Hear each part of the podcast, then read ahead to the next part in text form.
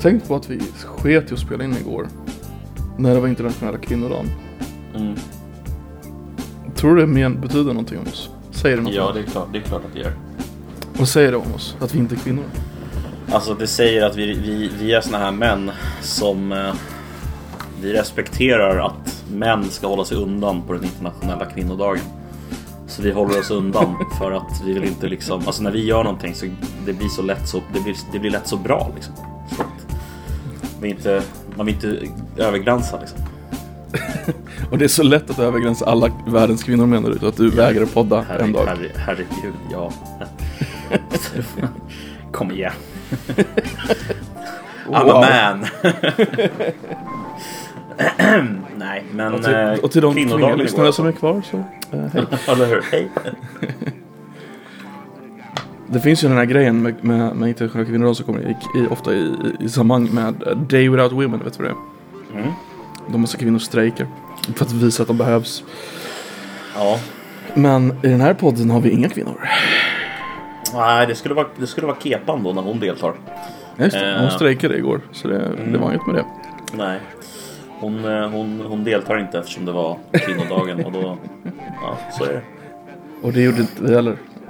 Då var vi också, wait what? I alla fall, hej och välkommen till Aktualitets och populärkulturpodden Coverpodden med mig, Koffe och dig, Nedem. Hej Nedem. Hej! Vem är du? Jag är döden.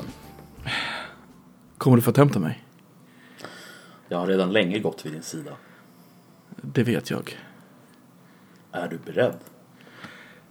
Min kropp är rädd, inte jag själv. Vänta ett ögonblick. Så säger ni alla. Men jag lämnar inga uppskov.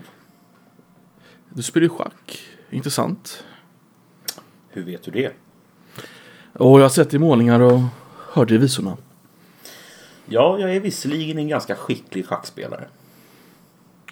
Du kan ändå inte vara skickligare än jag. Varför vill du spela schack med mig? Det är min sak. Det har du rätt i. Villkoret är att jag får leva. Så länge jag står emot. Spelar jag matt, friar du mig. Du fick svart. Det passar ju bäst så, inte sant? Onekligen. Vem, vilken internationell supergigant hedrar vi idag? Är det Max von Sydows dag? Max von Sydow har gått bort. Gått Ja, ifrån fan. oss idag. Jag tror aldrig vi kommer ha en, eller haft en, en större skådespelare från Sverige än Max von Sydow. Det kanske är så. Nu när du säger, jag har aldrig tänkt på det, på det på det sättet. Kan du, förklara, kan du förklara varför det är så? Varför som- inte kom... Nej, nej, nej, Eller- nej men alltså så här, varför, varför anser han vara en av de största svenska skådespelarna genom tiderna? Alltså, jag tänker bredvid liksom folk som Ingrid Bergman och typ så här eh, Skarsgård. Det här var ju hans uh, genomslagsroll. Men Ingmar, Berg, Ingmar Bergman anses vara en, en av världens bästa regissörer. Och han slog igenom med en Ingmar Bergman-film liksom. Mm. Eh, så det är ju ganska bra början. Om vi säger så. Mhm. Helt okej. Eh, mm.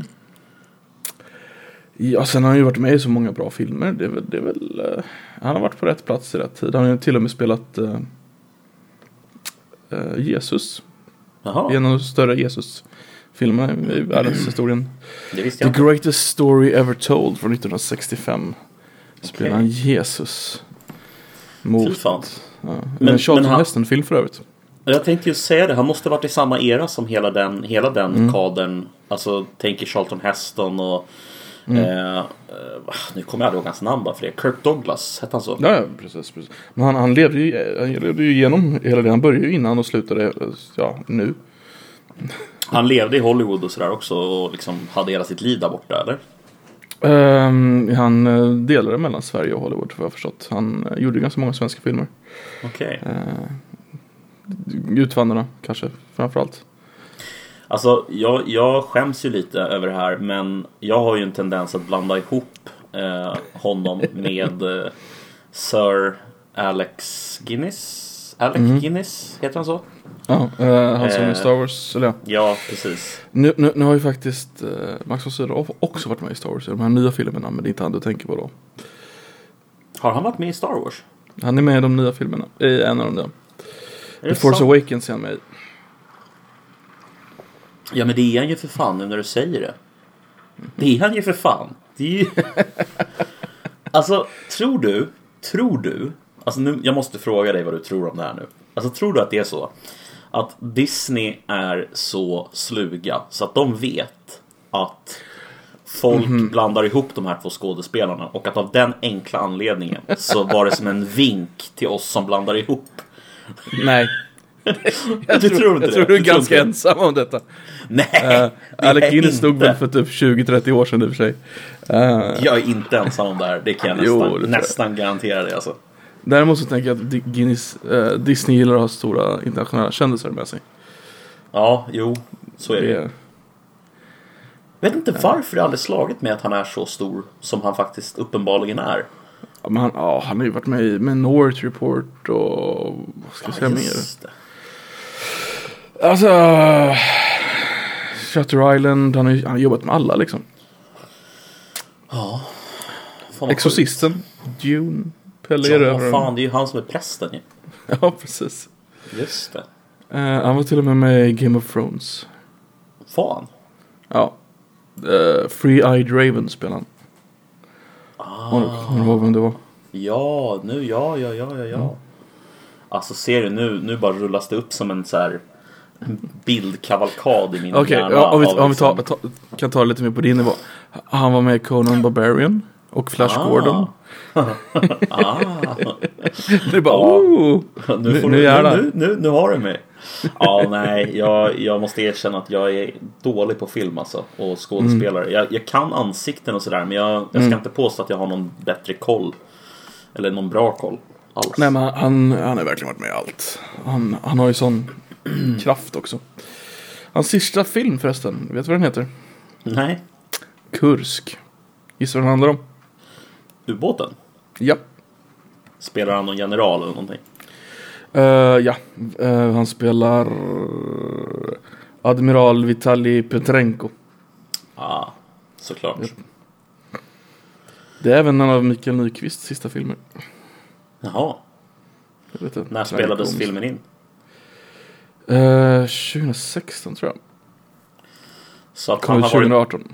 han var aktiv alltså i... När spelades Sjunde inseglet in? 57? 57. Så han var alltså... Han var aktiv från 1957 till 2016. Mm. Det är, det är en lång karriär av film alltså. Det är nästan 70 år alltså. Det är helt otroligt. Och han, han, jobb, han gjorde ju storroller ända in i slutet där med, Mm. med Disney och Robin Hood och Shutter Island och Mm. Mumin.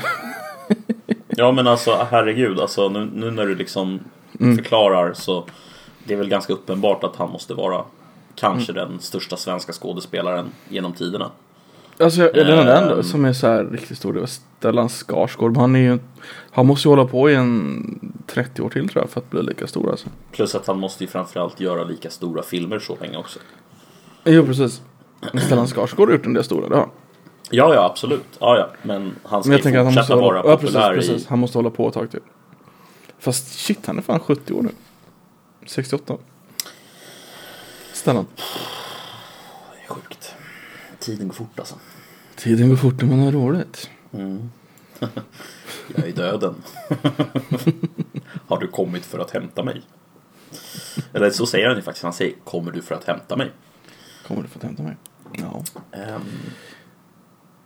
Vad vill du börja prata om? Vilket ämne vill du gå in på först? Jag ger dig, jag ger dig äran att välja ämne.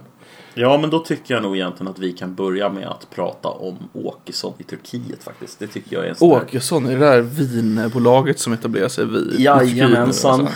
exakt. Nu Eh, nu ska det bli eh, eh, Vino Tinto för hela, hela faderullan nere i Turkiet. Det, Om vi gör så här, kan vi, kan vi istället för att börja prata om, om, om Åkesson, för det är ju Jimmy Åkesson i Turkiet givetvis, det förstår ju alla. V- varför behöver han åka ner nu, om vi säger så?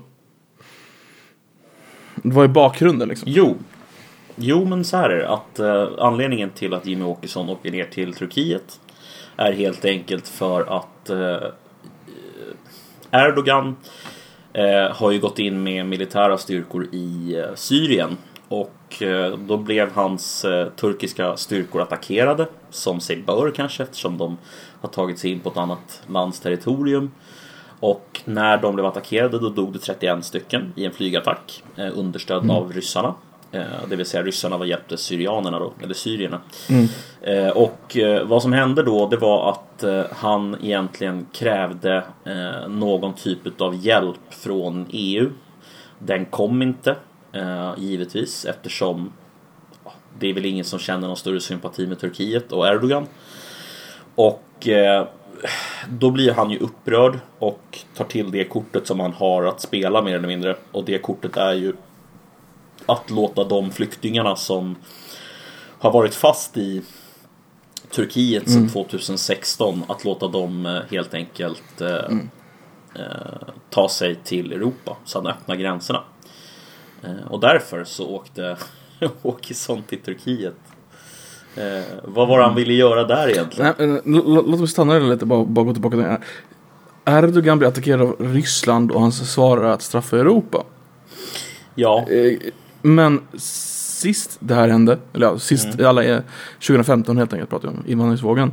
Mm. Led, den ledde ju till att eh, eh, populistiska partier res väldigt kraftigt i, i Europa. Mm. Och vad de ofta har gemensamt är att de tycker om Ryssland väldigt mycket mer än Turkiet. ja. Så jag han, har- det här är ju en backfire-effekt som är enorm här för, för eh, Turkiet. Och vi märker ju redan nu att även de etablerade partierna är väldigt så här, nej tack. Ja, I, nej, jag vet inte riktigt.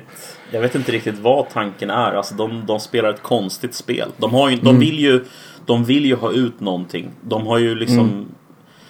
velat att eh, vi ska hjälpa till, både Europa och USA, med att eh, eh, nedmontera egentligen den syriska regimen.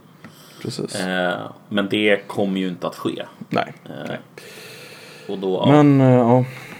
Han- De, eh, Turkiet attackerar ju för att ha en, en buffertzon där. Där de kan ha sina flyktingar liksom. Så de slipper ha dem i Precis. Turkiet. precis. Men vad Jimmie Åkesson gjorde då, det han, han åkte ju ner och ställde sig i Turkiet och delade ut flygbladet till, till invandrarna. Att kom inte till Sverige, vi har inga pengar för. Vi, Mm. ni får inget, det finns inget att hämta här. Nej. Vilket, eh, det har skrivits väldigt mycket om i tidningarna kan vi säga. Om vi säger, Alltså, eh, Får jag fråga dig en sak? ja, Alltså, kör. min, i alla fall så här, för min egen del, det jag kände, det var ju så här. Alltså hur, hur kan de vara så dumma att de går i den här fällan? Ja, eller hur. Eller hur. Alltså, Det är ett enormt fantastiskt jävla PR-trick av honom. ja, alltså han är ju, han är ju genial. Alltså det är Mm. jättesmart gjort. Ja, alltså, han, han lär ju på sin höjd övertyga kanske 10, 15, 20 pers där nere. Ja, Men det är ju liksom... Det är, det, det är ju spel för hemåt liksom. Det är ju spel Ja, för oss liksom. Han ja det handlar ju inte om vad han gör liksom. Mm. där nere liksom, utan det handlar ju liksom om hur det uppfattas på hemmaplan och hur han vet att folk kommer bli upprörda över det. Och sen så skapar det Precis. nyheter och sen så får han ut sitt budskap och sen så liksom... Mm. Ja, Absolut. Nej men det, det är smått genialiskt. Du kan inte köpa bättre, bättre PR. men Det- blir du det inte... han- Nej, kör. Ja men jag bara undrar, blir du inte, blir du inte för förvånad över att de går i den fällan? Alltså media, igen? Alltså inte, bara, Nej, me- egentligen inte bara media, inte bara media Mm. egentligen. Media är väl kanske fel utan Alltså att politikerna gör en stor grej av det på, me- på sociala medier och liksom ska, ska liksom visa att de inte är som Åkesson när det är helt Ja. uppenbart att det Du, bara du glömmer att driver... hela vår regeringsbildning är baserad på att vilka som är och vilka som inte är Jimmie Åkesson. Ja, jag vet. Det ja, jo, Så, det är nej, så- jag är inte speciellt förvånad tyvärr. Det är, är en halva, halva riksdagen budget signalerar och det enda poängen de har är att de är inte Jimmy Åkesson. Um, Mm. jag, vad jag tänkte kontrastera det mot det, det är att Jimmy Åkesson och Sverigedemokraterna i alla fall konsekventa. De står fast vid, de lägger upp bilden och de står fast, det här gjorde vi och vi står fast vid det här för det här var bra. Mm. Såg du bilden som eh, Moderaterna la upp? Eh, stärk gränsen. Stärk gränsen. Och så står eh, partiledaren Ulf, Ulf Båge? Nej. Christer? Ulfbåge. Vad Ulf fan heter Kristersson. Ulf Ulf, Kristersson. Christer Ulfbåge. det roliga Ja. med den bilden är att han står i någon slags jägarkostym. Mm. Så här lite överklasskostym om vi ska välja. Mm. Men han står ute i skogen. Ja, jag vet. Det är, Vil, vilken gräns är det han ska försvara? Är det, är det norsk invasion vi är rädda för eller? Alltså, jag... ja, Alltså den är så otydlig den bilden. Mm. Alltså jag vet inte vad den ska signalera ens. Alltså det är bara konstigt. Han fick i alla fall också massiv kritik på sociala medier och så, ja det var rasism såklart. Eh, och han tog ju ner den. Han tog ju bort, de tog ju bort den från sin Instagram. Det är så pinsamt. Åh. Och där hade han ju kunnat bara, kör på. Nej men vi ska ha en stark gräns, vi moderater, vi har alltid varit för en stark gräns förutom när han, flint, Flintisen var där. Mm. Det, så det, det hade varit hur lätt som helst att bara köra rakt på, sen har de bara kört över den kritiken. För Men- det var men- ingen riktigt bra och spridande kritik, utan det här var bara, kör på. Alltså du vet eh, Viktor Bart Kron. Ja, ja. Såg du hans eh, take på hela det här? Eh, den har jag missat. Det får upp friska mitt minne. Nej, det, det här det var bland det roligaste jag sett alltså. Från Viktor Bart Kron i alla fall. Han, eh, han säger det att det finns egentligen konsensus om hur vi ska hantera den här situationen och det är då givetvis att gränsen, den yttre gränsen då, det som brukar kallas Fort Europa, att liksom den yttre gränsen ska stärkas. Det konversationen egentligen handlar om, det ska man säga det med en snäll ton eller ska man säga det med en arg ton? Diskussionen handlar snarare om, ber man lite om ursäkt för att det är som det är eller, eller säger man liksom rakt ut att så här blir det? Det är det, det, är det hela diskussionen handlar om just nu. Mellan Men typ Socialdemokraterna Ja, och. Moderaterna. Inom Sverige i alla fall. Inom Sverige. Men ponera att några, några miljoner av de här flyktingarna då kommer in i Europa. Mm. Då kommer ju, det kommer få exakt samma effekt som förra gången. Att Nu kommer det vara svårare för dem att resa. För nu är varje gräns redan stängd. Mm. Men populistpartierna kommer ju öka som fan. Så Och då det. kommer det inte vara tanken på, då kommer inte debatten i EU vara Ska vi ha god eller ond ton i gränsen? Tanken kommer vara, ska vi skjuta skarpt eller ska vi bomba? Jajamensan, så kommer det vara. Precis du vet vad. Turkiet gör, du vet vad Turkiet gör vid gränsen just nu? Ja, jag såg att de hade tagit fram någon eh, pansarvagn för att köra över gränsstolparna. Precis, de förstör alltså Greklands gränsförsvar för att få- igenom flyktingarna. Och Det måste väl ju- ändå, det är ju en krigshandling. Ja, ja, visst. Det är klart att det är en krigshandling. Alltså det är ju framförallt så att det är ju redan på grekisk mark de är inne då. Precis. Och det funkar ju liksom inte. Men vad tror du, alltså, har Grekland balls att svara? Vad kommer vi göra? Kom, kommer vi göra något åt det här alltså? Nej, det tror jag inte. Alltså, det är alldeles för... Provokationen är för liten eh, för att man ska göra något annat än att kanske typ skicka upp en diplomat till något kontor och så, så säger de så här vi lämnar över en officiell protest. Ungefär på Jag, den nivån, tror inte jag. Grekland skulle våga typ, tillfångata turkiska soldater på grekiskt territorium. Nej, herregud. Det tror jag inte. Mm. Inte en chans. Tror du det? Alltså Grekland är lite roligare än oss alltså. De är inte lika... Jo. Så det, ja, det finns en chans. För Grekland är, de är ju arvsfiender. Grekland och Turkiet måste vi komma underfund Jo. med. Så är det ju. Det är de ju och de har ju Cypern fortfarande som är eh, mer eller mindre ett öppet sår liksom. Eh, mellan mellan eh, Grekland och Turkiet om jag inte minns helt fel. Eh, Ja. Turkiet har ju en policy om att be, skicka dit folk. Turkiet. ja. För att befolka med mer turkar. Så det finns ju mer turkar, alltså turkcyprioter fanns ju förut.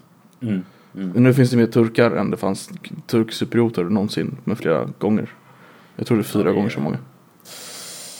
Alltså Turkiet är ett sånt här land som jag har väldigt svårt att förstå hur man överhuvudtaget kunde fundera på att få in dem i EU. Alltså, Ja, de var ju väldigt sekulära där ett tag. Alltså de var ju, de blev ju mer och mer västerländska där ett tag. jo, jo, under en period. Men Mm. alltså det fanns ju alltid liksom uppenbara problem som inte Mm. gick att se mellan fingrarna med. Eh, större problem än till exempel Ungern eller Polen. Mm. Eller, alltså, deras problem ter sig, tycker jag, som ganska mjäkiga i, i jämförelse. Men det var ju också det att de inte ville se ut som att EU skulle vara en sån här kristen klubb. Så att de Jo. vara med, det är klart ni kan komma in. Det var ju samma sak Mm. som eh, Ryssland var också ett kandidatland ett tag. Alltså de pratade om att Ja. Ryssland kommer säkert också bli med i EU liksom. EU är fantastiskt, vi alla kan med i EU. Det gick inte så bra. Putin sa i början av sin presidentkandidatur att han ville. Men det var ju 20 år sedan. Ja, det var nog bara... Det är nog 20 bara, år sedan. Det är bara spel för galleriet från Putins sida tror jag. Ja, men det slog mig så att det är 20 år sedan han började sin presidentkandidatur. Ja, det är helt sjukt. Alltså mannen har varit president i 20 år. Eh, ja, Hur, lite- hur länge har Merkel varit? eh, Någonting liknande va? Ja, Kan kolla. Hon har varit förbundskansler sedan år 2005. det är ändå ganska lätt alltså. Det blir Det är 15 nog- år. Ja. Förbundskansler uttalas det för övrigt. Hon är, jag gillar också att beskrivningen av henne är så här. Ja, Angela Dorothea Merkel är en tysk politiker och fysiker. Som att det var liksom så här. Ja, för man, man tänker ju, när man tänker på Angela Merkel tänker man ju på att hon är fysiker. Nej. Jag tror hon gör en inte. grej av det i, Turkiet, i Tyskland va? Ja, det gör hon säkert. Jag tänker mer bara på att man liksom inte... Ja, nej, nej, absolut inte. Men där kan vi snacka om en... eh, Alltså, Låt höra. vad, kon, vad konstigt det kommer kännas när hon... eh, När hon eh, Hon avgår. Har du hört att ja. hennes ställföreträdare har avgått också nu? Mm, jag hörde det. Så de vet inte riktigt vem det är som ska ta över va? Jag kan ju föreslå Helmut Kohl. Alltså smör. Han, är, han bara sätter sig och bara trycker i sig smör. Så jävla Kan vi, inte fantastiskt. bara, kan vi inte bara göra ordförande Persson till eh, obligatorisk eh, dokumentär att titta på i grundskolan och gymnasiet? Alltså några år till så blir det säkert. Ungefär som den här, för den var obligatorisk tydligen när jag gick i skolan. Den här Korpen flyger. Korpen flyger, vilken är det? Den här isländska eh, historiskt korrekta inom... Jag har verkligen ja. ingen aning om vilken Korpen flyger är. Är det sant? Det är helt... Med Snorre Snorresson. Alltså jag förstår att det är någonting med islandssagorna, men jag förstår inte vad det är. Ja, alltså den, den ska ju liksom... Det är någon sån här extremt uselt och uselt producerad eh, tv-film ungefär från 70-talet. Som ändå har någon slags värde tydligen för lärare. För att jag fick se den både i grundskolan och jag fick se den i gymnasiet. Eh, och jag tror jag fick se den i gymnasiet två gånger faktiskt. Eh, Oj, ja, den... Eh, den Jag minns då- att vi fick se den italienska filmen Livet är underbart. Den fick vi se. Mhm. Den har inte jag sett tror jag. Vet du vilken det är? Nej. Det är Alberto Paganini. Aha. Alla italienska namn uttalas så här. Eh, Alberto. Paganini, Baccarella. Eh, I alla fall, det, han spelar en jude i Italien. Mhm. Och så blir han skickad till koncentrationsläger med sin son. Han, göm, han, eh, han lyckas gömma sin son. Så övertygar han eh, sonen att det, är, det här är inte ett koncentrationsläger. Nej, nej, nej. Det här är ett sommarkollo. Och, eh, s- Sommarkoll, fan vad mörkt alltså. mm, och så eh, den som lyckas gömma sig bäst under sommarkollot vinner en tank. En egen pansarbil. Och då sonen bara ja, jag vill ha en pansarbil.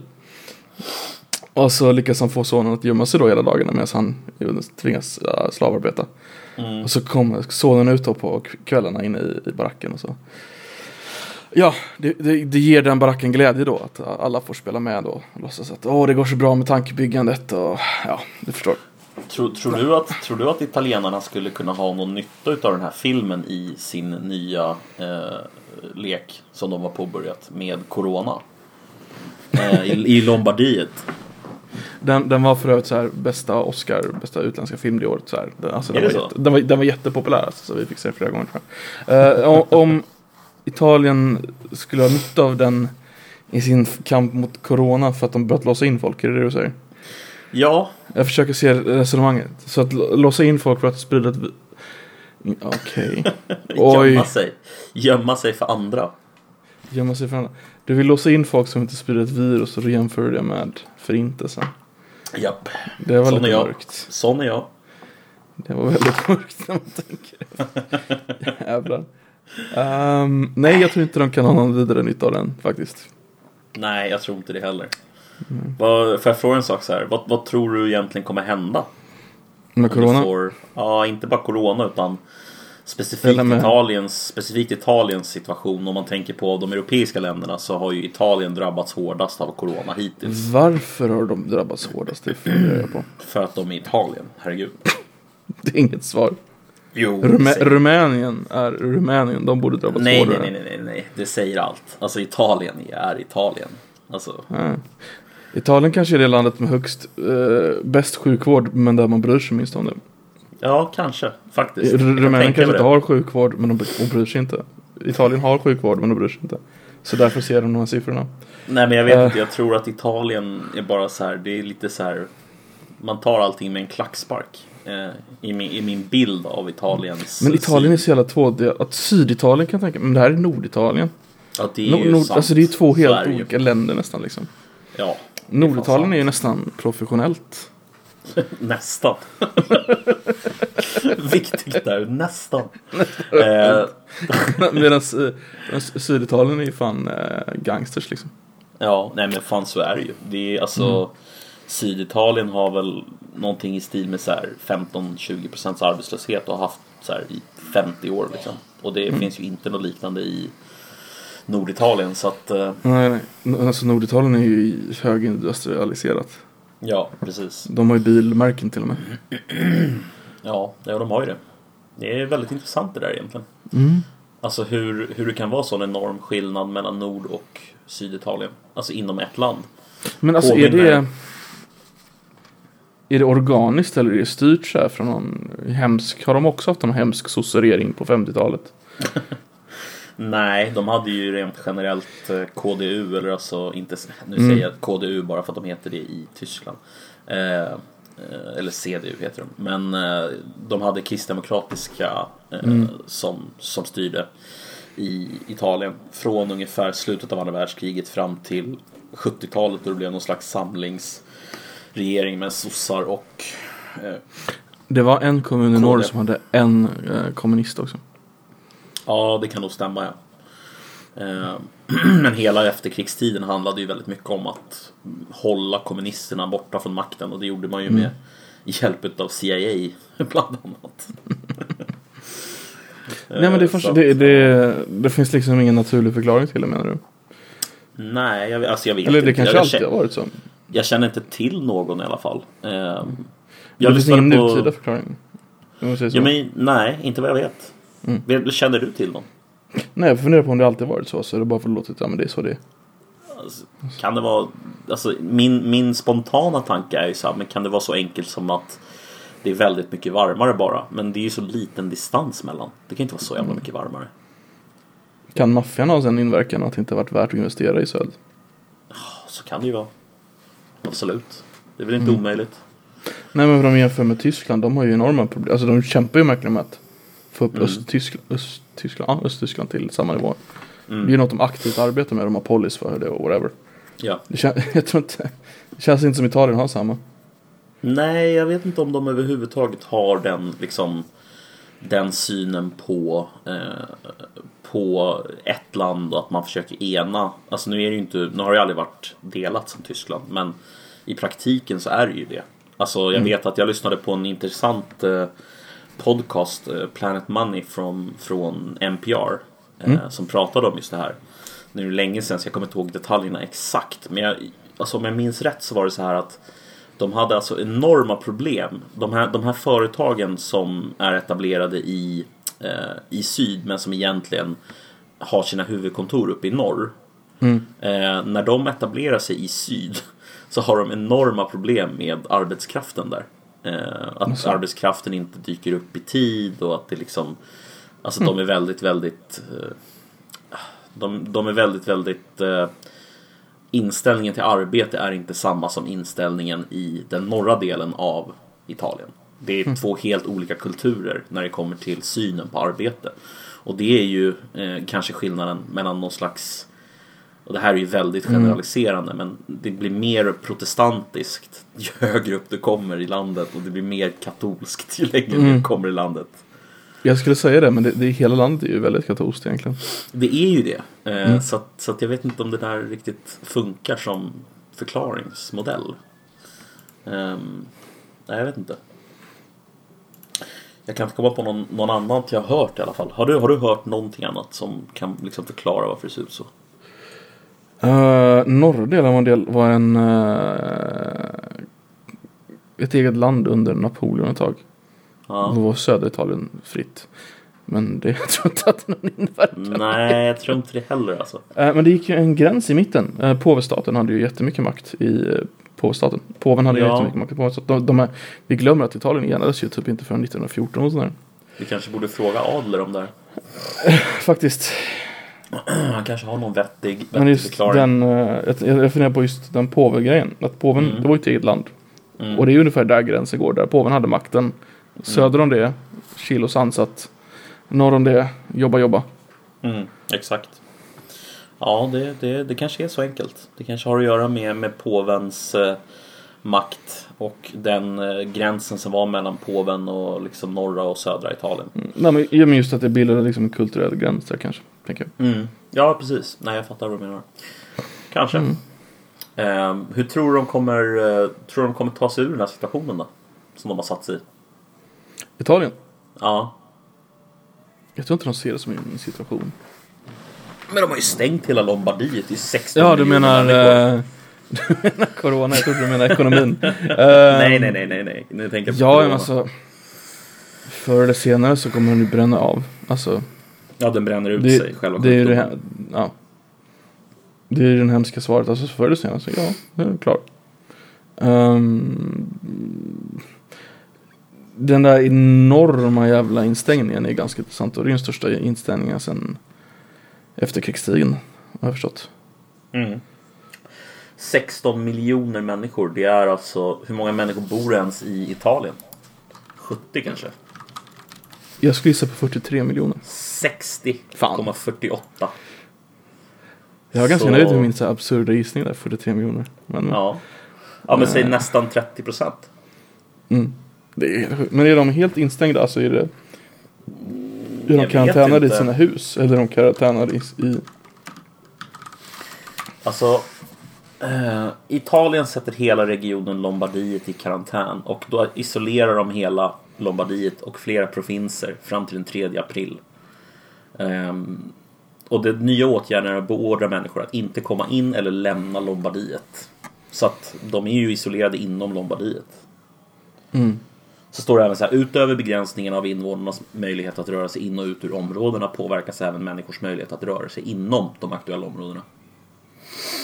Så att... Eh, ja du.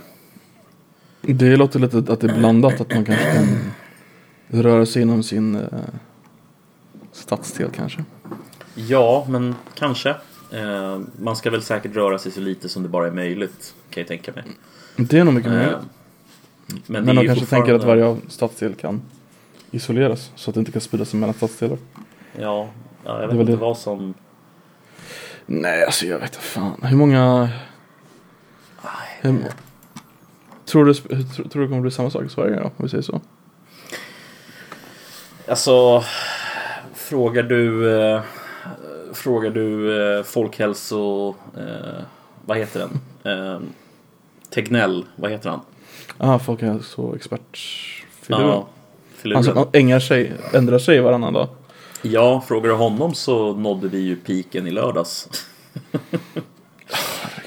Jag vet inte riktigt om jag tror på det, om jag ska vara helt ärlig. Eh, Det känns mer som att vi kommer att nå piken eh, någon gång i typ maj, juni. Jag Du vet tror, inte. Jag, du, jag, du tror att det kommer att eskalera till dess? Alltså. ja, jag tror inte att det här är över på långa vägar om jag får gissa, men jag vet ju inte. Jag har ingen hur- hur- Jag hur- kan inget om det där. Du, du, du skiter i det. Nej, men jag menar Men inte så. du- Jag du- känner, jag känner bara så här, jag, jag, jag kan ingenting om det där. Men alltså givet vad man, givet vad som verkar hända i de andra länderna. Eh, och Mm. så, så vet jag inte varför vi skulle, det skulle vara om vi lyckas hålla koll på smitt, spåra smittkällan hela tiden. Men Det har vi redan misslyckats med kan jag säga. Ja, jag tror inte Det kom ut idag att det var en som de inte visste vart han fått. Ja, du ser. Ehm, tycker du att vi som är lite friskare, eh, alltså vi som är unga, som inte har lika stor chans att dö och Mm. har någorlunda bra hälso, att vi har ett ansvar själva att ta, ta hand om oss på det sättet att inte ta, för får vi smitta så kommer vi antagligen överleva, både du och jag. Ja, förhoppningsvis i alla fall. Ja men alltså det finns ju en ganska stor chans. Ja. Eh, Sen finns det ju andra människor som har mycket lägre chans. Har vi ett ansvar att försöka inte få den, trots att vi inte kommer dö? För att göra så en grupp... eh, Ja, det har vi väl.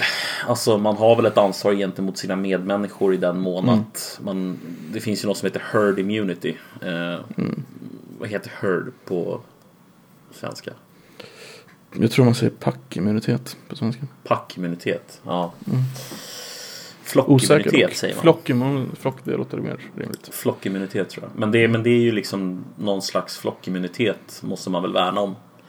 Men eh, jag tror att det är väldigt, väldigt svårt att undvika. Alltså jag tror att det är bara tur liksom. Om man får det eller inte.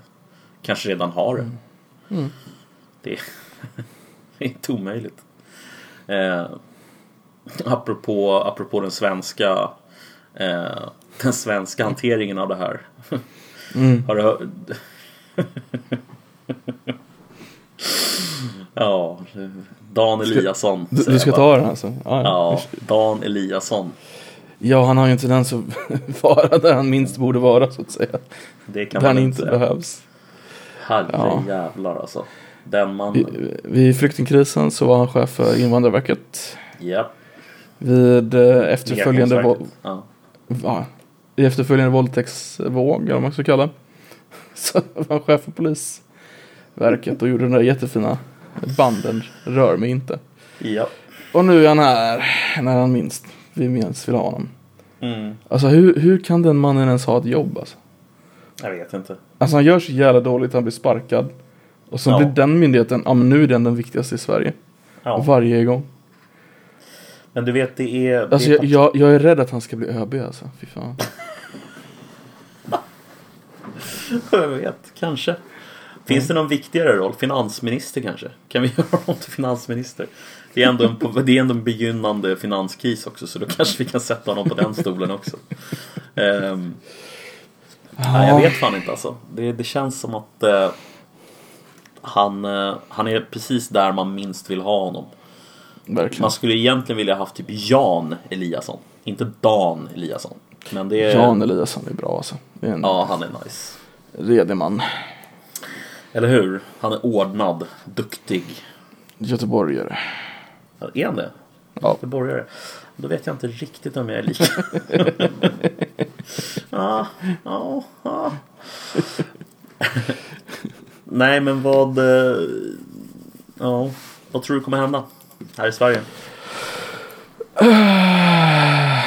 Jag vet fan. Typ samma som var det, SARS för ett tag sedan. Eller Corona. Ja, fan, jag glömmer namnen på dem. Men den som var 2009. Mm. Så illa tror, tror jag det blir. tror du lugnar ner sig lite? Ja, och så kommer det komma något antivirus ganska snart säkert. Så de blixt, uh, blixtutkallar. Jag kommer inte ihåg hur farligt folk tyckte det var då.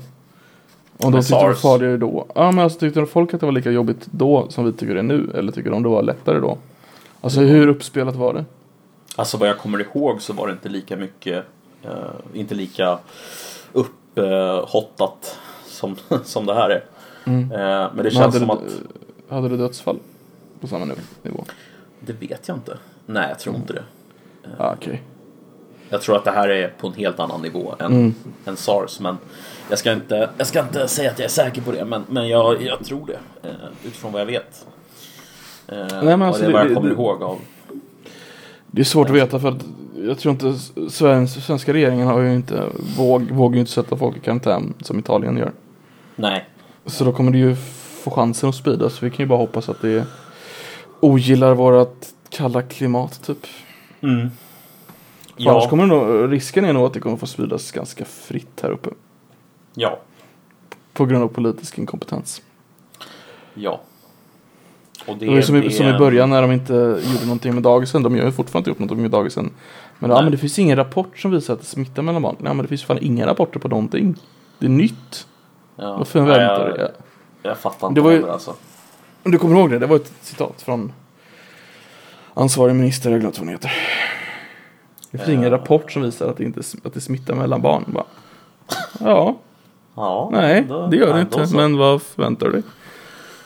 Ja, jag, jag vet inte. De snackar om att barn inte blir sjuka av det här men att de ändå kan vara smittbärare. Ehm, Så att det känns ju som att det räcker väl kanske inte med att bara konstatera att de inte smittar. Bara sådär. Nu har, nu har ju något barn fått det, har jag läst i veckan också. Är det så? Ja.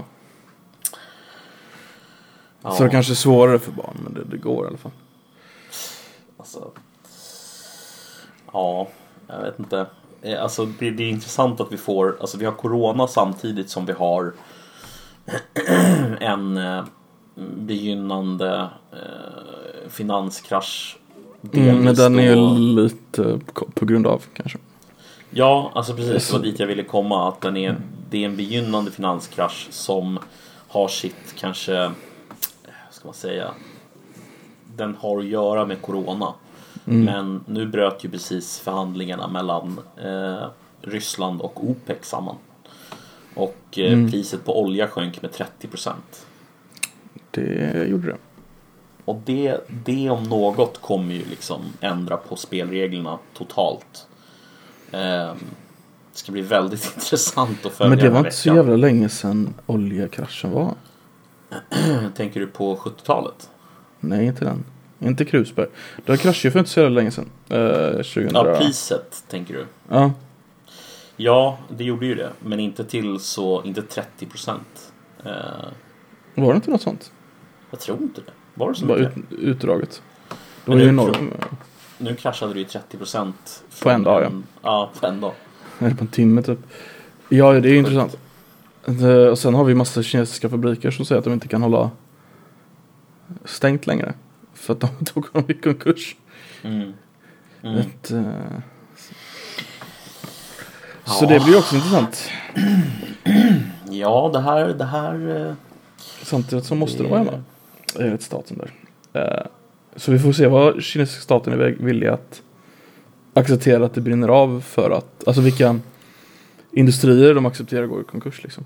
Mm, mm. Eller, för några kommer de säkert acceptera som de är så stora. Och de vet, de vet ju att de bara kan starta nya liksom hur, hur lätt som helst. Jo, visst, så är det ju. Ehm, men samtidigt så kanske man inte kan ta tillbaka allt som man förlorar. Så att man, Det är ja, sant. Det är sant. Alltså det finns ju en större chans att folk är lite mer globalist-ovänliga nu i de här förhandlingarna. Tänk till exempel på att jag tror att det är 70%, 60-70% av alla eh, ingredienser i medicinerna vi har i Sverige kommer från Kina. Alltså, ingredienserna, inte själva slutprodukten utan ingredienserna. ja precis. Ja, det... Så de kanske, det kanske är så att det, det, sista grejen görs i, vad fan är det? Mölndal är det Astra ligger va? Ja det är det. Jag tror det. Så kanske de pruttar ut den sista där men det mesta kommer från Kina ändå. Mm. Så att det, ja. Ja, du kan ju tänka dig om de här logistikkedjorna eh, Mm. som finns över hela världen, om de börjar braka samman ordentligt. Då... Precis. Ingen har ju lager längre, allting är ju just in time delivery. Mm, exakt. Och det funkar ju väldigt bra om man har en globaliserad värld. Eh, då vill man ju producera där eh, det är billigast och sådär. Men det funkar kanske inte så bra om, eh, om vi får en global pandemi.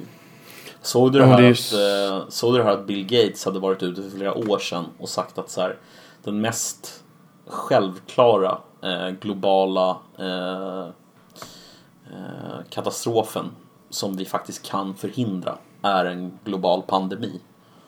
Eh, Det sa han typ så här 2014 eller någonting. Han menade på att, nej men han menade bara på att alltså, det är bara en tidsfråga innan det händer. Eh, det, finns, det finns ingen chans att eh, vi kommer kunna undvika det. Så att vi bör eh, utveckla ett liksom, försvar redan nu i termer av ja, Mhm. jag kan inte exakta detaljerna på vad, man, vad han tyckte man skulle göra men eh, han, han mer eller mindre uppmanade världens regeringar till att ta det på största jävla allvar. Eh, Ja, jag förstår. Men det var ingen som gjorde. Tydligen. Nej, nej, nej. Det, bruk, det brukar ju vara så. Ja, det är väl så. Eh, Alltså, demokratiska regeringar är reaktiva. De är inte aktiva. ja, ja, De är proaktiva, tyvärr. så är det. Ehm, jag hade en annan grej som jag skulle vilja prata lite om. Men jag vet inte om du har någonting annat du vill säga om det här först. Mm, nej, kör. Det är lugnt. Eh, Jag, eh, jag läste en väldigt intressant artikel här i veckan eh, som handlade om ett företag som heter Krypto AG. Har du hört talas om dem? Det här har jag faktiskt hört talas om ja. Mm. Krypto AG, kan inte du för lyssnarna bara berätta lite vad du har förstått om Krypto AG? Vi säger så här. ehm, om du är en, en stor stat och ska kryptera din eh, trafik, din bil, ja, brevtrafik och så vidare. Vart går du då? Du kan ju inte gå till eh, till USA, du kan inte gå till Ryssland som gör sina egna. Du kan inte gå till Kina. Du går till ett litet fint neutralt land. Schweiz. Ja. Och Schweiz hade ett av världens, eller har fortfarande, tror jag de lever fortfarande, ett av världens största krypteringsföretag som gjorde krypteringsmaskiner. Mhm. Som, alltså i princip alla tredje världen, alltså alla third world, gamla definitionen, eh, länder köpte sin krypteringsutrustning från. Mm. Och även viss Sovjet köpte det tror jag också va? Nej, eh, det var Sovjet faktiskt köpte så inte. Nej, de var en av de få. Kina och Sovjet Kina köpte var ingenting. Ja, sa. Kina och Sovjet köpte ingenting. Eh, men Kuba köpte. Mm. Iran. Iran, det, ja precis. Uh, vill du att jag fortsätter? Så kan jag göra det. Eh, jag gör det. Men det visade sig att det, det här lilla kryptoföretaget som var så framgångsrikt. Det, det var inte rent, eh, helt rent mjöl i påsen. De hade tagits över dem. Det var front av CIA. Japp. Så hela, all världens regeringar hade köpt krypteringsutrustning av CIA. Och här finns det en svensk koppling idag. Oh, kör. Det visar sig att eh, eh, Carl Hagelin, eh, tror han heter, eh, det var då en, eh, en svensk uppfinnare. Eller egentligen, han föddes i Ryssland men flyttade till Sverige väldigt tidigt och bodde i Sverige eh, när kriget bröt ut. Flyttade direkt från Sverige till USA och blev kvar där under en period. Och eh, redan där i USA så utvecklade han en liten, liten maskin eh, som hette då Krypto AG tror jag. Och den var en liten, liten maskin som egentligen inte hade något extremt avancerat krypto utan det gick lätt att knäcka redan på den tiden. Men anledningen till att man ändå köpte den här av honom var på grund av att den användes bara ute av trupp i fält. Och när det gick att knäcka den så hade det gått några timmar och då, då var antagligen inte positionerna intressanta längre. Ja, okej. Ehm, men eh, redan under eh, 50-talet så, eh, så gick CIA eh, och faktiskt den tyska eh, underrättelsetjänsten eh, BND gick till... Eh, alltså till, då. Ja, västtyska underrättelsetjänsten under gamla nazistgeneralen eh, Gehlen gick till, eh, till honom och sa så här, hör du, vad sägs om att eh, du börjar jobba för oss? Och eh, Tror, du- det gick till så? De bara knackade på dörren. Ah, men, ska du jobba för oss eller? Alltså på riktigt så tog de honom till, eh, de tog honom till USA. Alltså det står beskrivet i den här artikeln. Eh, och bjöd honom ungefär på, eh, ska man säga, they wined and dined him ungefär. Och sen så sa de, ja men vi uppskattar ju verkligen ditt arbete med för han hade gjort massa andra saker för dem under den här tiden. Men han hade inte lämnat över kontroll över hela företaget. Men här så lämnade han över hela kontrollen av företaget till CIA och BND. Och det här var alltså på 50-talet. Så att det jag tycker är intressant med, med det här det är väl egentligen att du vet Snowden, Snowden avslöjandena 2013. Där det kom fram att ja, det visar sig att eh, USA liksom har avlyssnat hela världen mer eller mindre och alla människor. Precis. Det var ingen ny grej för USA. Det har de pysslat med ända sedan 50-talet. Och de hade ett uttryck eh, som Snowden tog upp som sa så här going black. Det vill säga att om folk började kryptera sina eh, sin, den största skadan med Snowdens avslöjanden då, det skulle vara att kryptering blev allmängiltigt eller all, allmänt allvänt, använt på internet eh, av vanliga människor. Och att det då skulle vara då samma sak som going black. Det här med going black, det var alltså någonting som man pratade om redan på 60-talet. Oj. Eh, I relation till det här med eh, när kretskorten första gången blev en del av kryptomaskinerna, när de inte bara var mekaniska. Eh, det var bara det att då, byggde, då byggde CIA med hjälp av NSA in i krypteringsalgoritmen som användes så byggde de in en bakdörr, en matematisk bakdörr i krypteringsalgoritmen redan liksom på, på kretskortsnivå ungefär. Mm. Eh, så att, ja, jag vet Jo. inte, jag tycker bara det är fascinerande. Jag ska bara göra en liten rättning om det är okej med dig. Absolut. Eh, han heter Boris Hagelin. Mm. Däremot finns det en Karl Hagelin som spelar i NHL och det är hans son, son, son. Ja, du ser. Det är jag som blandar ihop Boris Hagelin, tack. Mm. Inte Karl Hagelin. Jag tyckte också när jag sa det, fan Karl Hagelin, det kan inte stämma. Ehm, Ja, men du, du är så inne i NHL vet du. Så det är lugnt. precis, jag är, så, jag är så jävla intresserad. Men eh, de, hans, eh, familjen Hagelin ägde ju företaget ända in till 70-talet då CIA tog över helt. Japp. Då Och blev det ägde CIA. ägde det fram till 2018 då det likviderades. Ja. Men det är faktiskt en svensk som har tagit över namnet. En annan svensk, en irrelevant svensk. Så det, fin- det är någon som äger eh, namnet och patenten som kanske ska starta ett nytt företag med samma namn. Jaha. Det var också en eh, svensk matematiker som, alltså de, de hade lite problem med att den algoritmen som de, som de byggde på 60-talet där med när det kom kretskort. Eh, Den algoritmen var lite väl simpel. Och de som jobbade på Krypto AG som inte visste om att de jobbade för CIA började liksom ifrågasätta. Då tog de in en svensk matematiker eh, som fick jobba för företaget och han plockade fram en mer avancerad algoritm som fortfarande var bakdörrad. Eh, och eh, han visste ju om allting givetvis. Han fungerade som go-between mellan CIA, NSA och Krypto AG då. Coolt. Ända fram tror jag till ja, 80-talet, slutet av 80-talet, början av 90-talet eller sånt där. Jag skulle vilja se en, skulle vara en intressant dokumentär där, om det där företaget. Mm, verkligen, det skulle man vilja se. Eh, lite mer liksom detaljerat hur det där gick till. Så ja, det var väl den här veckans eh, spionnytt från Nedem kanske. Spionnytt från Nedem. det var en ganska cool podd. Du kanske Ja. inte skulle ha så mycket att säga varje vecka dock. Nej, jag tror att det blir lite, det blir lite tight med material efter ett tag. Ehm, Ska vi prata om supertisdagen? När vi ändå pratar Ja, amerikansk kan väl- infiltration av västvärlden. Ja, eh, har du följt amerikansk politik någonting den här veckan? Förra Tänker veckan du- egentligen. Ja, denna veckan, förra veckan. Senaste veckan. Senaste veckan, ja. Precis. Givetvis är det igen. Ja. Eh, Din idol eh, uh, Buttigieg har ju hoppat av. Ja, eh, exakt. Butte, också kallad. Eh, Butte hoppade av. Eh, och sen så direkt efter han hade hoppat av så hoppade Bloomberg, Bloomberg av. Och Klobuchar. Klobuchar droppade av. Kan, kan vi inte bara gå in på att eh, Bloomberg spenderade alltså 6 till 700 miljoner dollar. Mm. Och han vann en stat. Eller American Samoa vann han. Ja. Det är så jävla sjukt. Alltså han skulle kunna gett varje person där flera tusen dollar istället. Ja. Det är alltså en jätteliten eh, liten ö bara. Utan, ja. Det är helt galet. Alltså, när man tänker på det. Såna jävla summor alltså.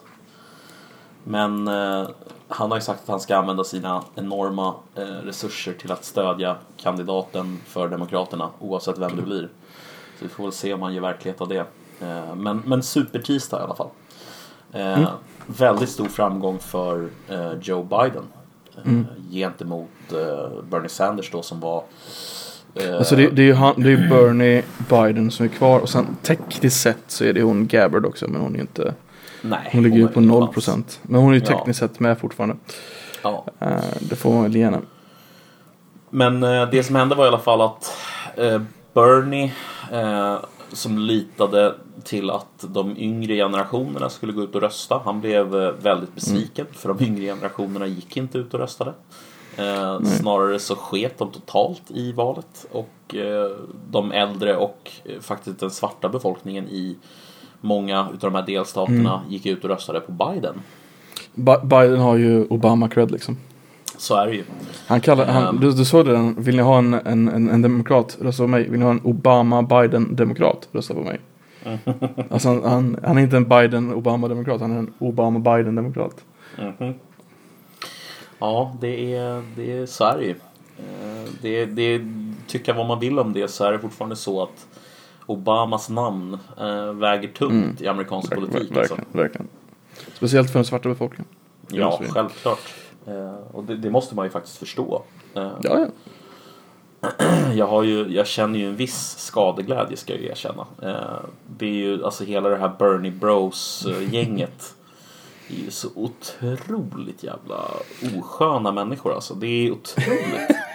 Alltså, det är, alltså de är överallt på internet och bara We can still win this! Oh, De kan oh fortfarande God. vinna det, det stämmer faktiskt. Ja, ja, alltså det är inte det, Det jag har bara emot. en, en tredjedel av rösterna. Det, det intressanta med det där det är att han, han trodde han skulle vinna eh, en blowout i, i Super Tuesday. Nu, när- Super Tuesday då in, Innan dess har det varit en, två, tre, fyra, fyra delstater tror jag det varit. En i taget. Nu var det typ tio stycken samtidigt. Om inte mer, 15, 18, 18 kanske. Eh, och Biden trodde att, Obama, nej, Bernie. De heter för lika. han, Obama, han, Biden, eh, Bernie. Ja men det är samma person. Nej, men, eh, Bernie trodde att han skulle, han ledde ju väldigt länge eftersom det var så många i mittenkandidater. Så skulle han gå ut med ledning som var så pass stor att ingen skulle kunna ta ikapp. Vad som hände var ju att alla mittenkandidater hoppade av innan för att ge Biden den här platsen då. Så då, då tog han ju hem allting väldigt stort. Men jag tror, jag tror ändå inte att han är så pass, alltså de är ju ganska nä, jämna egentligen. Ja, ja visst. Så det Alltså, det är inte en är ju- enorm ledning. Det är ju däremot så är ju grejen den att alltså, det, är- det är ju en ganska stor ledning med tanke på att de kommande delstaterna är ju Bidens Mm. eh, att, att förlora så att säga. De ligger ju mer, de gynnar Biden mer än de Mm. gynnar Bernie. Eh, så att alltså, det är inte över men Vet du vem som coinade Biden, Bernie bro? nej, Hillary i ett tal. är det sant? Ja, hon coinade Bernie bros. Ja, ja A bunch of Bernie bros. Hon har inte fel alltså. Jag, eh, jag har otroligt svårt för det här eh, nedlåtande sättet eh, som de approachar politik. Alltså det är lite samma... Kan, kan du förklara hur du menar med att det är så nedlåtande sätt? Vad är det de gör som är konkret som irriterar dig? Så här, alltså jag skiter egentligen i vad de skriver. Utan det handlar om, alltså så här, det är samma typ av retorik som Obama, eller vad säger jag, som eh, Trump-supportrarna 2016. Det är samma typ av eh, Bernie or bust. Det är liksom det här eller ingenting. Det är, det är liksom absolutistiskt. Eh, och det är, det är our way or the highway liksom. Som gäller. Eh, Men ska man inte vara eh, lite sån i ett primärval då? Att det är liksom nu. Det är ju nu du har chansen att verkligen styra ett parti åt det hållet du vill. Jo, alltså man har all rätt att, att propagera för sin kandidat. Eh, det säger jag ingenting om.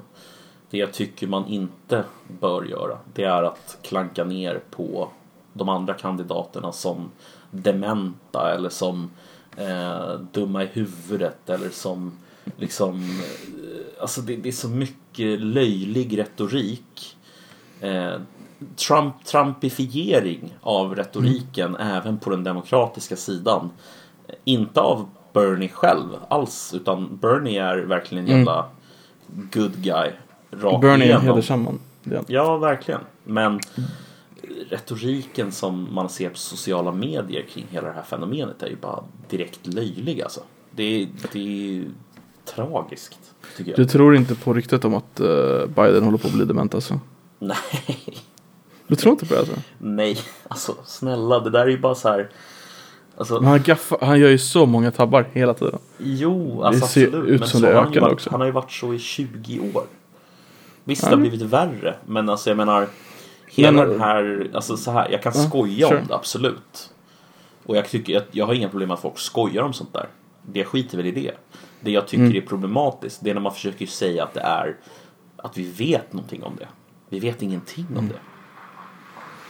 Det är bara bullshit att säga att vi vet att han är det. Precis samma sak som det skulle vara bullshit att säga att vi vet att Trump är dement. Det är liksom, det vet vi inte. Ehm, wow. Ehm, du har sett det här att de, de Biden-gänget vill ändra nästa debatt. Nej. Debattformatet. Jo, att han ville kunna sitta. Han vill sitta ner och inte ta, prata med Bernie. Han vill ta frågor från Mm. publiken istället. Mm. Jo, men det, det förstår jag.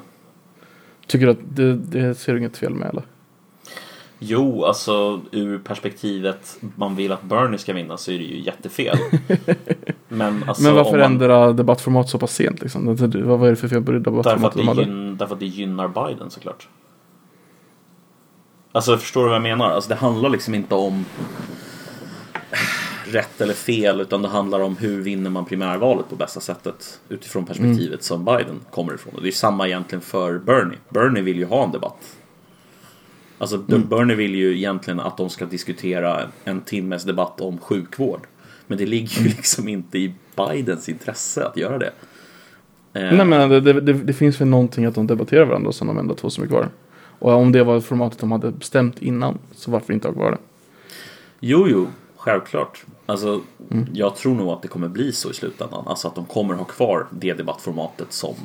Men, men menar du att det är konstigt att de båda två vill göra det som är bäst för deras kampanj? Nej nej, det är så de ska göra. Men det är kanske Ja, jag att han är lite dement. Ja, att han inte att- har uh, mentala kapaciteten att debattera.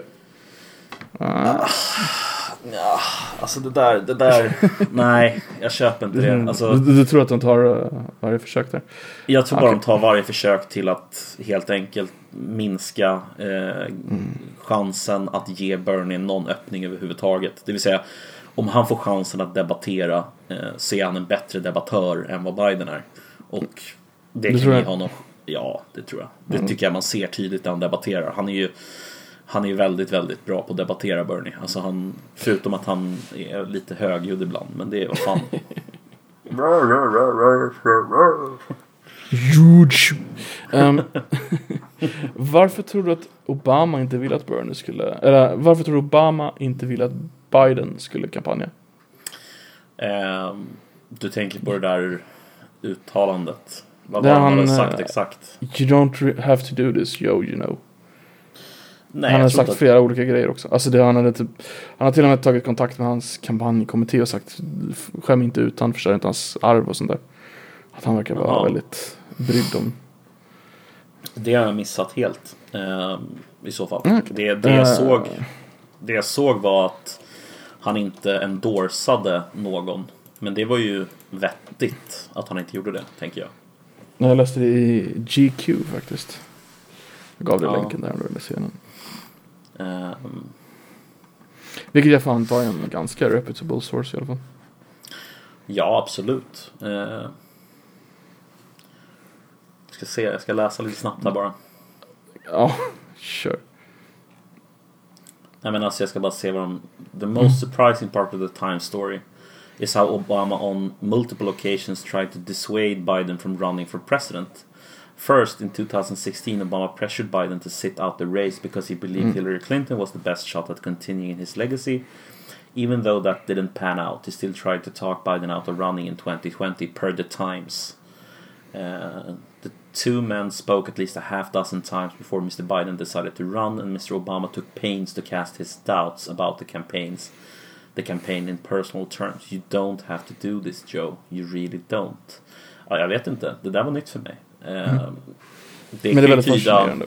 Ja, det kan ju tyda på att han vet någonting om, om Biden som eh, Mm. inte vi vet om. Absolut. Ehm, det sätter ju situationen i lite av en annan dager skulle jag säga. Mm. Ehm, För det är på grund av den där jag har börjat fundera på om det kan vara något med det här med demensen. Att, För Obama och han hade ju väldigt goda relationer. Mm. Ehm, nej, jag vet inte. Ja, alltså så här utifrån så här utifrån det som eh, har förts fram innan det här. Mm. Men vänta, den här är ju från 18 augusti 2019. Precis. Det är liksom inte ny. Nej, men alltså om det här verkligen var om det här, allt det här stämde, hade de inte skrivit om det här? De måste ha skrivit om det här någon annanstans också eller? According to the New York Times, which published a deep dive into their history. Obama politics. Det här är intressant, vi får kolla mer på det här sen. Det här, mm. det här var väldigt intressant. Det finns ju teorier om att he- hela alltså, media att de är liberals liksom, att de vill att någon ska kunna slå Trump till vilket pris som helst och nu har det blivit Biden blev ju de facto ledare så fort han gick med i racet. Och då fanns ju ingen idé att skriva negativa grejer om honom. Ja, men alltså så är det ju. Alltså det är klart att det är, alltså media i USA som är Mm. typiskt liberala kommer ju att vara mer lenient liksom mot eh, Biden. Det har jag inga, inga illusioner om. Eh, Mm. men, men det betyder ju inte för den, alltså om vi bortser från just den här artikeln då, Mm. eh, så betyder ju inte det nödvändigtvis att vi vet någonting om Bidens Nej, nej. potentiella Nej, det- det eh, sjukdomar. Liksom. Alltså. Därmed, därmed inte sagt, alltså bara för att jag säger att vi inte vet någonting betyder det ju inte att det inte är så. Alltså jag vet ju inte. Men det är ju hela poängen, vi vet inte. Men det påminner mig lite om eh, 2016 när man trodde att eh, Hillary var sjuk. Kommer Ja, ihåg när det hon ramlade det var- in i bilen och, och allt det Och, där. och, precis, och det var hon ju inte. Hon hade lunginflammation sa hon. Ja, men alltså jag menar, har du sett henne på när hon var med och blev intervjuad av... Eh, eh, Jag har sett han? några intervjuer efter valet. Hon verkar ju ganska klipsk fortfarande. ja, men alltså har du sett intervjun där hon blir intervjuad av eh, Howard Stern? Nej. Alltså, hon är ju eh, väldigt, väldigt med i leken liksom. Det är ju ingen, hon är Ja. inte lost alls någonstans. Okej. Eh, så att, ehm, ja, jag vet inte. Det, det, känns, det känns någonstans som att, alltså, det är två väldigt, väldigt starka kandidater Mm. som är kvar. Och eh, det kommer bli smutsigare och smutsigare eh, mellan de här två kandidaterna tror jag. Eh, Jag tänker mig som över. Bernies eh, stödjare, Bernie Bros kan vi kalla dem då. Mm. De kände sig bestulna 2016. Mm. Så de kommer nog gå väldigt, väldigt, väldigt hårt ut i år. Alltså det kommer nog spela väldigt, väldigt dirty. Men de förlorade ju faktiskt fair and square mot Hillary. Uh, de anser inte riktigt det om jag förstått det rätt. De anser att det var stulet. Men hur kan de anse det när de förlorade helt utan Ja, superdelegater? men, jag kommer inte riktigt ihåg, men typ att det var eh, ofair play och sånt där. Jag, var inte, jag kommer inte exakt, alltså det var, det var ju fyra år sedan, men de... de ja, att hela, he, De- hela systemet var liksom riggat mot dem på det sättet. Eh, Bernie Bro's gonna Bernie Bro. Är det det som är? Ja, typ. Nej, jag, jag sätter Bernie Bros precis under Trumpsters i min hierarki av så här, politiska gäng som jag har svårt för. De eh, båda gängen är rätt, Hela Republikanska partiet med andra ord. ja idag i alla fall, har de ju blivit det. Den sista som var, inte var det var ju han eh, McCain. Men han dog ju. Nej men det finns ju en till. Eh, han som Eh. röstade, inte som Ja, du röstade. tänker på uh, mormonen. Uh, Mitt Romney. Mm, exakt. Ja, det är sant. Det är sant. Mitt. Det finns en dokumentär på Netflix om honom. Mitt heter den. Heter den Mitt? Se- Ja, Därför jag, jag tror faktiskt jag kan ha sett den. handlar om 2012-valet. Väldigt sevärd. Ja, precis. Ja, nej, jag har sett den. Den är jävligt bra. Eh. Se den. Det finns även en Vice-dokumentär där de åker ner till eh, Ja, Mexiko. ja, Mexiko. Det var, det var en del av hans klan så att säga som uh, utvandrade till Mexiko för att USA fördömde uh, månggifte. Och Just de praktiserade det fortfarande nere i Mexiko. Så var det. Men nu har de ett knarkkrig där nere istället. Det är väldigt fascinerande. Herregud alltså, vilket jävla kaos. Men ska vi göra det? Att vi, vi rekommenderar Vice-videon, vi rekommenderar eh, Netflix-videon och så rekommenderar vi Sjunde inseglet. Det gör vi.